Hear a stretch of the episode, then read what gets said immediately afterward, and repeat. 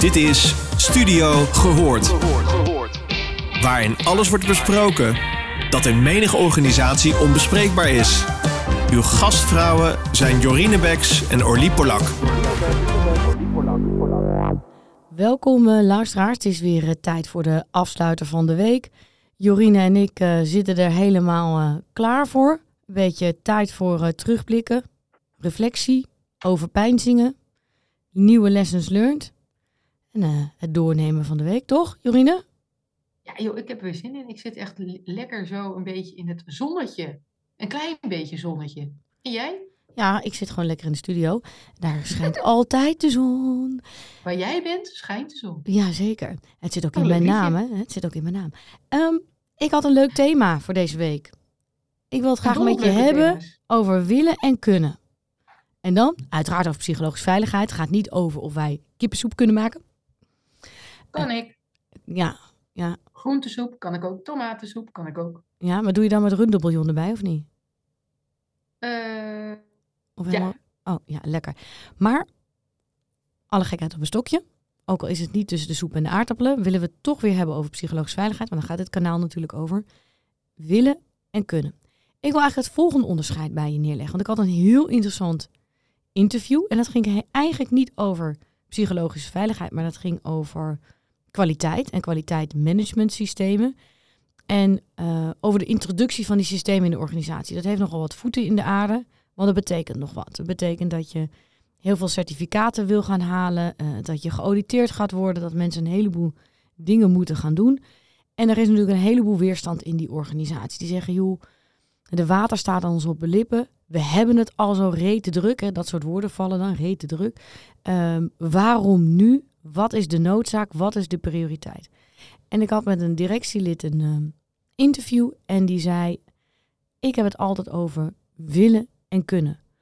Als we willen dat we operationele excellence hebben, als we willen dat we de werkdruk gaan verminderen, als we willen dat we steeds makkelijker dingen gaan ontwikkelen met elkaar, een snellere time to market, omdat we denken in modules, omdat we beter op elkaar afgestemd zijn, dat we niet dingen meer dubbel hoeven doen en opnieuw hoeven doen, dan moet dat wel kunnen. En hij zegt, kunnen, kunnen we organiseren, daar kunnen we structuren voor ontwikkelen, daar kunnen we afspraken voor maken, daar kunnen we werkwijzes over afstemmen. En toen dacht ik, ik zie ook een beetje psychologische veiligheid zo. Je hebt het over heel erg bij jezelf. Hè? Kan ik neurologisch me veilig voelen of voel ik me aangevallen? Hadden net een hele interessante podcast daarover. Luisteraars, ga die absoluut in de gaten houden. Het gaat over voel ik me veilig in, in het team. Mag ik gehoord worden? Mag ik, mag ik me uiten? Maar het gaat eigenlijk ook over is het ingeregeld in de organisatie? Is daar een plek voor? Hebben een werkwijze waar psychologische veiligheid onderdeel is van de manier waarop we het doen? En toen dacht ik, ja, gewoon agile werken. In plaats van dat je achter je bureau blijft zitten en denkt: ik moet helemaal perfect zijn. Dat moet ik. Ik moet het perfect. Ga ik zeggen: nee, het is goed. Het is een 7. En ik stuur het naar het bureautje verderop. En ik ga daar eens even met het bureautje verderop eens over reflecteren. En dan komt het weer terug. En we gaan heen en weer. We halen een ander bureautje erbij. Dan heb je eigenlijk al gedwongen psychologische, veilige werkwijze. Want dan ga je het embedden. En toen dacht ik, daar wil ik even met Jorine over bomen, hoe jij daar tegenaan kijkt, willen en kunnen. Ik ben dol op willen en kunnen. Weet je, ik zeg dat willen kunnen triggers. Is mijn, uh, was mijn oude rijtje voordat ik nog uh, uitnodigen, herkennen en erkennen ervoor, heb geplakt. En, um, en ook al direct gezegd over agile en het is ook sprintjes trekken met agile. Er zit natuurlijk wel iets in dat er een, een, een eh, zeker als je met die ander overlegt, dat er een bepaalde vakinhoudelijkheid is waar je het met elkaar over kunt hebben en het aanvullen. Dus dat is natuurlijk, hoor ik ook wel de welbekende maar. Ook als je gaat kijken naar multidisciplinaire teams. En we zijn met z'n allen verantwoordelijk voor, weet ik wat, een nieuw product en voor de nieuwe verpakking. En ieder vult het eigen vakje in. En ik ben de expert, dus ja, ik weet hoe het vakje moet worden ingevuld. Jij bent niet de expert, dus jij weet het niet. En hoe doe je dat dan? En, hoe zorg, en wie is dan verantwoordelijk voor het eindresultaat? nou, hele gesprekken over. Dan kun je zeggen, ja, ik ben verantwoordelijk voor mijn vakje. Uh, maar, maar we maken wel iemand anders verantwoordelijk voor het totaaloverzicht. Ja, maar wacht even, jij bent toch verantwoordelijk voor je vakje. Dus dan hebben we een gedeelde verantwoordelijkheid. Iedereen is verantwoordelijk voor zijn of haar eigen deel. En daarmee zijn we dus met z'n allen verantwoordelijk voor het geheel. En dan denk je, nou, klinkt logisch, maar kan dat ook? Als ik ga kijken naar willen en kunnen, uh, naar psychologische veiligheid of naar veiligheid, dan heb ik heel vaak dat ik al, eh, ik had vanochtend ook weer ergens over. Om veiligheid te creëren heb je echt twee kanten nodig van dezelfde medaille, hoe ik het duid. Dat is die sociale veiligheid en psychologische veiligheid. En sociale veiligheid is het inrichten van jouw systeem. hoe is de organisatie ingericht? En dan inderdaad, weet je, vertrouwenspersonen, intern, extern processen, procedures. Maar waar het natuurlijk ook over gaat, is er de mogelijkheid, hoe hebben we het ingericht, zodat we dus ook als omgeving het gedrag sturen zoals het gedrag willen zien. Dus ik vind het een super mooi voorbeeld wat jij aangeeft ook over die, dat anders werken in plaats van ik voor een team. Uh, een zeven is goed en ik zoek iemand op om eens te gaan kijken, kunnen we er samen een acht van maken. En als dat de manier van werken wordt, zo doen we dat met elkaar, hè? vanuit die toch ook wel gestimuleerd in, in, in de processen en dan breder voor de hele organisatie, denk ik dat je het heel mooi faciliteert. En voor mij is psychologische veiligheid de subtiele interactie tussen mensen in teams. Dus dat betekent als je af hebt gesproken, zo gaan we het doen, wat je net aangaf, dat agile. Oké, en hoe doen we dat dan onderling? Zodat we ook in dat gesprek erover ook samen daarin beter worden. En als ik dan kijk naar mijn week, dan, uh, dan zie ik willen en kunnen. En ik zie ook willen en kunnen als obstakels en als mogelijkheden. Dus je komt mensen tegen die zeggen, ja, maar ik wil het heel graag. En ik wil het ook, ik ben de enige die wil. Of hoe krijg ik anderen mee die wil? En anderen die zeggen, ja, we kunnen het wel, we regelen alles in, maar niemand die wil. Dus ja, uh, hoe krijg ik dan voor elkaar? Dus dan heb je ook een stukje motivatie. Eigenlijk als het triade-model, dan heb je en motivatie, dus willen, en dan uh, capaciteit kunnen, en dan de gelegenheid, wat jij net zegt, er is geen tijd. Ja, je moet wel tijd maken. Maar ja, weet je, dat is ook deze week, gisteren hoorde ik weer Jitske Kramer over cultuur en hoe doe je dat in kampvuurgesprekken. En maak je er tijd voor. Nou ja, weet je, ik kan nog een hele tijd een hele monoloog houden, maar dat zitten we ook niet op te wachten, ze hebben een gesprek samen gelukkig.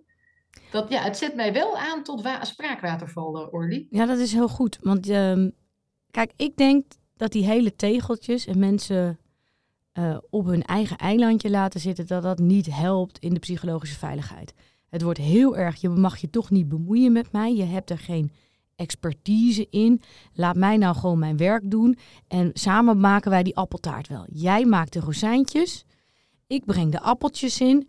En uh, Leonie gaat uh, het deeg maken.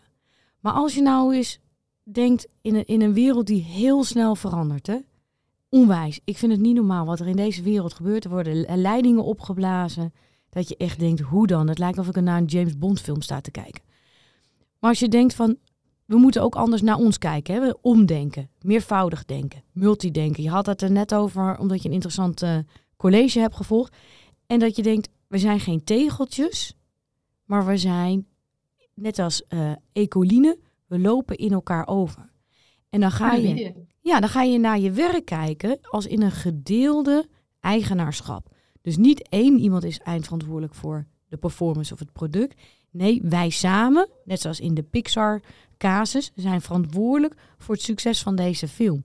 Dan, iedereen heeft dan vanuit zijn eigen vakmanschap een inbreng, maar dat is niet afgebakend. Dat, is niet, dat heeft geen grens. Dat is niet van, jij mag niet over mijn grens komen. Dat loopt heel, heel organisch of fluïde in elkaar over. Waardoor ik ook tegen jou kan zeggen, hey Jorine, hartstikke gaaf voor die rozijnen die je hebt uh, gekweekt. Of uh, gedroogd of geweld. Uh, maar ik heb eigenlijk andere rozijnen in gedachten voor mijn appels. En dat jij dan zegt, oh, laat me dan jouw appels eens zien. Uh, misschien kan ik ook wat met die appels. Want dan passen ze misschien wel beter bij mijn rozijnen. En dat je dan samen kijkt van hoe, hoe kunnen we de taken en de verantwoordelijkheden verdelen... dat we de lekkerste appeltaart hebben. Dus daar zit en misschien, je. Ja, en misschien, misschien dat we dan wel zeggen... we maakten altijd een appeltaart, de wereld verandert... Ja. Misschien toch een beetje stretchen naar een perentaart met wat uh, nootjes erin. Ja, en toen dacht ik, ik ben heel erg van de structuren, dat weet je. Hoe kunnen we dit nou vervatten in een structuur? Hè? Want je wil natuurlijk ook niet uh, uh, spaghetti worden, um, want dan gaan we alle kanten op. Maar als we nou eens werkprincipes hebben. dat je vanuit eenzelfde ontwerpprincipe of denkprincipe, psychologisch veilig ontwerpprincipe, laten we het even zo noemen, naar, naar die manier van maken, overdragen, werken, invullen, creëren kijken. Zijn we er dan niet al een stapje wat verder in, in de richting? Want dan, dan hebben mensen wel een uniforme kijk. Hè? We hebben een afspraak gemaakt over hoe we doen. We stoppen bij zeven, we gaan een iteratief proces in. We vragen altijd collega's mee. We zorgen voor gedeelde eigenaarschap en verantwoordelijkheden. Maar we doen dat met deze set van waarden. Altijd in deze manier van, van stapjes zetten van heen en weer en terug en gaan.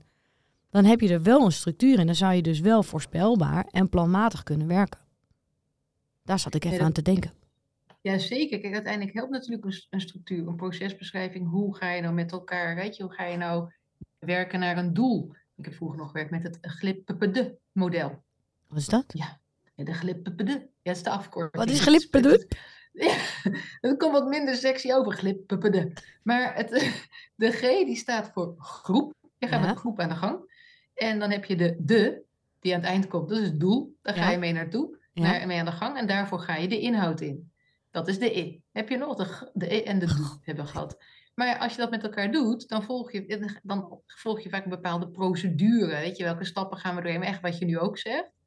En dan ontstaat er een proces Ja. met elkaar. En dan hebben we nog de L van leider. En zo heb je glippede model. Goed. Glippede. En, eh, en daar maak je afspraken over. Oké, hoe gaan we dat nou met elkaar doen? En, en is het een, een standaardleider of is het een, een rolerend leider? Maar er moet ook iemand zijn die een beetje het overzicht houdt, zodat we niet in spaghetti verzanden. Al ben ik dol op spaghetti, zoals je weet. Dus dan, dan, dan geef je weer een bepaalde structuur aan. En uiteindelijk zijn dat ook weer afspraken. Maar wat ik heel intrigerend vind, hè, is dat je kunt als... Hoe doe je dat als organisatie? En wat vergt dat van leiderschap? En wat is het nieuwe leiderschap? En wat hebben leiders daarin te ontwikkelen? Eh, dit kun je in eerste instantie in je kleinere team, waar je direct invloed op hebt, want ieder mens heeft invloed, kun je erover hebben. Hoe willen we samenwerken? Hoe gaan we dat team doen? Eh, hoe zorgen we ervoor dat we elkaar blijven uitdagen en dat we dat ook durven, hè, dat, daar, daarin te stimuleren en dat iedereen een bijdrage levert aan het uiteindelijke resultaat. Maar als je hem verder trekt, hoe doen we dat nou als organisatie? En als je dan zo'n organisatie, dat betekent toch een verandering. En als we het eerst altijd op A deden, op de A-manier, en dan dachten we echt dat het de goede manier is, en je moet dat loslaten, je gaat naar de B-manier die je net vertelt, en waar ik dus ook tegen aanloop in organisaties, eh, dan is in één keer dus A niet meer goed. Maar we waren, en dan moeten we naar B. Maar eerst hadden we misschien nog wel een mening over B, en wilden we helemaal niet als B. En dan moet je daarheen. En wat is daar dan weer voor nodig? Dus dat is nieuw, dat is anders. En dat vergt ook in die steeds sneller draaiende wereld ook iets anders van leiderschap. En als je dan gaat kijken naar diversiteit en inclusie, krijg ik ook heel veel vragen over. En dan zeg ik, ja, weet je, inclusiviteit, dat is het vinden van de gemeenschappelijke deler met behoud van diversiteit. Want anders wordt het natuurlijk hartstikke saai en zijn we weer allemaal hetzelfde. Maar wat vergt dat dan weer van leiderschap? En daar hadden we het net in het, even er kort over. Dat ik zo'n een post had gelezen van uh, Leen Papen. En hij is hoogleraar corporate governance in Nijrode, op Nijrode. En uh, hij had het over meervoudig denken. En dat naar aanleiding dan weer van een uh, event van Els van Noorduin. En zij is ook wel eens een keer bij ons in de podcast geweest. Van Tap to Two. En zij zit, uh, nee, Tap to Top, moet ik het wel zeggen. Goed zeggen. En zij zit ook in dat meervoudig. En ik had eigenlijk nooit dat meervoudig geplot op meervoudig denken en leiderschap. En ik denk wat jij net aangeeft, willen kunnen. Als we het willen, wat moeten we dan kunnen? En hoe moeten we dan dus anders gaan doen? En hoe gaan systemen ons helpen? Want omgeving stuurt gedrag, gedrag stuurt omgeving. Hoe gaat die omgeving ons helpen om naar dat gedrag toe te bewegen? Nou, wat ik denk is dat jij geeft de rol aan leiders. En wat ze in ieder geval over na kunnen denken is wat, wat beleggen ze weg? En welke taken en verantwoordelijkheden heb ik in een functie geduwd en heb ik geen onderdeel gemaakt van de groep? Ik geloof toch ook wel in rolfluiditeit. Tuurlijk heeft iedereen zijn vakmanschap. Maar uiteindelijk gaat kwaliteit, veiligheid en psychologische veiligheid en sociale veiligheid niet over één individu. Dus je kan wel zeggen, ja, eh, dat is de vertrouwenspersoon, die gaat daar lekker over. Of ik ben de leider, ik kan aangesproken worden op de sfeer van het team. Maar dat is natuurlijk onzinnig. Het is de, de hele groep is verantwoordelijk voor die kwaliteit, is verantwoordelijk voor die veiligheid, is verantwoordelijk voor die psychologische veiligheid. Dus eh, als leider kun je dat, moet je dat wel beseffen. Want anders ontstaat er een, een sfeertje of een idee van als het niet psychologisch veilig is, dan ligt het aan de leider. En ja, die moet dan maar weg. Dus uh, het idee is dat je als leider dat begrijpt, dat jij niet als enige de drager kan zijn van waarde. Want laten we het even gewoon benoemen als waarde. Het is geen output. Ik ga geen cakeje bakken. Ik ga geen, geen toch een appeltaartje maken. Ik ga eigenlijk mijn werk doen met bepaalde waarden. En een van die waarden is dat we dat psychologisch veilig willen doen. Dat willen we doen om een lerend vermogen te hebben in de organisatie. We willen dat doen om iedereen autonomie te geven, eh, te respecteren in zijn vakmanschap. En, en we geloven ook nog een keer dat het ons vooruit helpt. Maar we vinden er ook iets menselijks van. Het is ook iets normatiefs. Want we vinden het wel heel fijn dat als we naar het werk gaan, dat serieus genomen worden. En niet op voorhand van vooroordelen. Ja, jij staat toch altijd bij de koffie. Hoe kan jij dat nou weten? Ja, uh, ik observeer je elke dag. Ik hoor alle gesprekken. Ja, het was me toch wat dingetjes opgevallen. Dus dat je ook zegt van, dat is gewoon een waarde. Dat is niet per se iets, iets wat een output is van één persoon. Dat moet je toch met elkaar gaan dragen. Dus dan moet iedereen daar eigenaarschap voor voelen. En iedereen willen, haha, daarna dan ook kunnen, maar ook gewoon van willen, uh, om een bijdrage aan, aan, die, aan die psychologische veiligheid te geven. Ja. Kijk, en er ligt natuurlijk ook iets met macht. Hè? En daarom noem ik die leiders. En ik ben het wel met je eens wat jij zegt. Met je eens. Het is natuurlijk, dat zeg ik ook altijd, het is van het hele team. Jij hebt zelf invloed op die psychologische veiligheid. De psychologische veiligheid van jezelf en de psychologische veiligheid van die ander. Nodig je uit tot uitspreken en spreek je je uit. Maar als je die verandering teweeg wil brengen, wat je aangeeft van structuren, en je gaat verder kijken dan je eigen team, en je gaat kijken naar organisatie, heb je daar leiders zitten. En wat voor leiders zitten daar? Um, uiteindelijk is het ook nog eens een beetje geconditioneerd gedrag dat je gaat volgen naar wat die leider zegt, of dat zit er dan in. Um, hoe brengt hij of zij die beweging tot stand? En er zit ook iets heel interessants in. Ik had dus deze week weer meerdere keren, uh, mocht ik weer heel veel vertellen over psychologische veiligheid. En heb ik ook een oefening, of meerdere oefeningen altijd in, dat mensen zelf gaan nadenken. En dan zeg ik, oké, okay, uh, tien minuten of vijf minuten, en dan krijgen ze die opdracht. En dan, dan laat ik het gebeuren. Inmiddels laat ik het ook niet helemaal meer gebeuren, maar zeg ik ook nog heel erg expliciet, hè, vandaag ook weer vanochtend, gisteren al die dagen, oké, ik zet de tijd, tien minuten, oké, als ik dit nu, dit scherm komt, klik ik door, als je dit ziet, 10 minuten voorbij, gaan we het plenair denken, uh, bespreken. Oké, okay. 10 minuten oké, niet oké, langer, kort. Dus ik zorg echt dat ik denk, oké, we hebben een soort afspraak. Dan begint het. Dan is 10 minuten voorbij. Dan doe ik dat scherm. Niemand die stopt. Vervolgens doe ik dan een interventie van, joh, um, de 10 minuten, we hadden een afspraak toch? Ja, een afspraak, ja. Dus dat scherm toch? Ja, een afspraak. Wie heeft de tijd gezet? Ja, jij toch? Ik zeg, nou ja, dat klopt. En uiteindelijk zie je dus dat mensen echt vinden. Gisteren gebeurde het ook dat iemand zei: Maar jij bent verantwoordelijk voor die tijd. Jij zou toch zeggen, want jij hebt dat toch gedaan. Ik zeg, maar jullie wisten het toch ook? Dat is ook wel heel heftig. Dus ik ben in mijn eentje, in mijn eentje verantwoordelijk voor jullie allemaal.